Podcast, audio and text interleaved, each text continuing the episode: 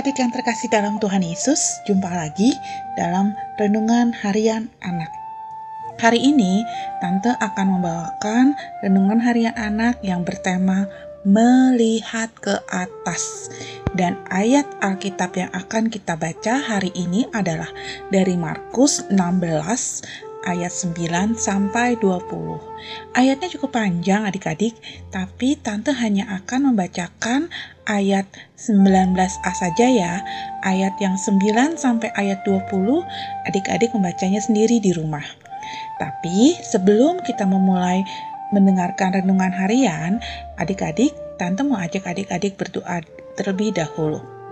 Yuk kita sama-sama lipat tangan dan tutup mata. Tuhan Yesus yang baik, sebentar lagi kami akan mendengarkan renungan harian.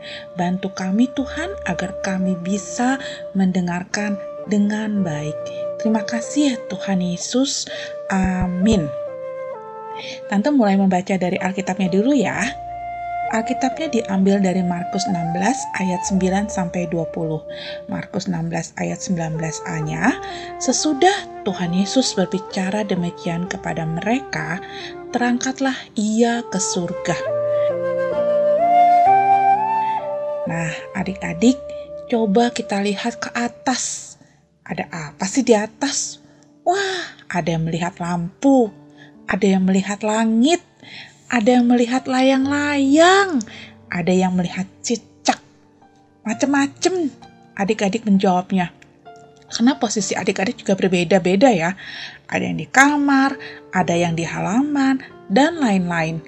Kalau di bacaan Alkitab hari ini, apa yang dilihat murid-murid Tuhan Yesus setelah mendengarkannya berbicara? Iya, mereka melihat Tuhan Yesus terangkat ke surga. Sebelum Tuhan Yesus naik ke surga, dia menemui murid-muridnya, menunjukkan bahwa Tuhan mereka sudah bangkit dari kematian. Nubuat yang pernah disampaikan kepada mereka benar-benar terjadi. Mari lihat ke atas lagi, sambil mengingat kejadian yang sungguh luar biasa itu kita tidak dapat melihat secara langsung saat Tuhan Yesus terangkat ke surga.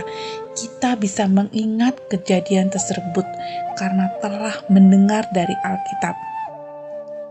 Kita juga diingatkan untuk melakukan perintah Tuhan Yesus sebelum Dia terangkat ke surga.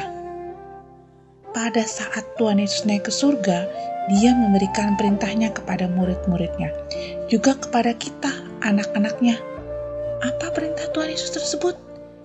Nah, perintahnya adalah aku mau mengingat perintah Tuhan Yesus dan melakukannya.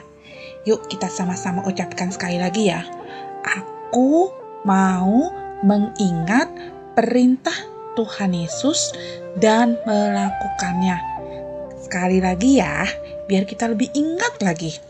Aku mau mengingat perintah Tuhan Yesus dan melakukannya. Nah, itu adik-adik bacaan kita hari ini. Kita mau mengingat perintah Tuhan Yesus dan melakukannya. Nah, sekarang kita mau berdoa untuk menutup renungan harian hari ini. Yuk, kita sama-sama lipat tangan dan tutup mata.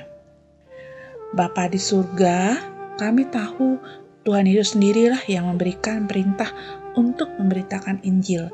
Tolong kami beri kemampuan supaya dapat melakukan perintah Tuhan Yesus.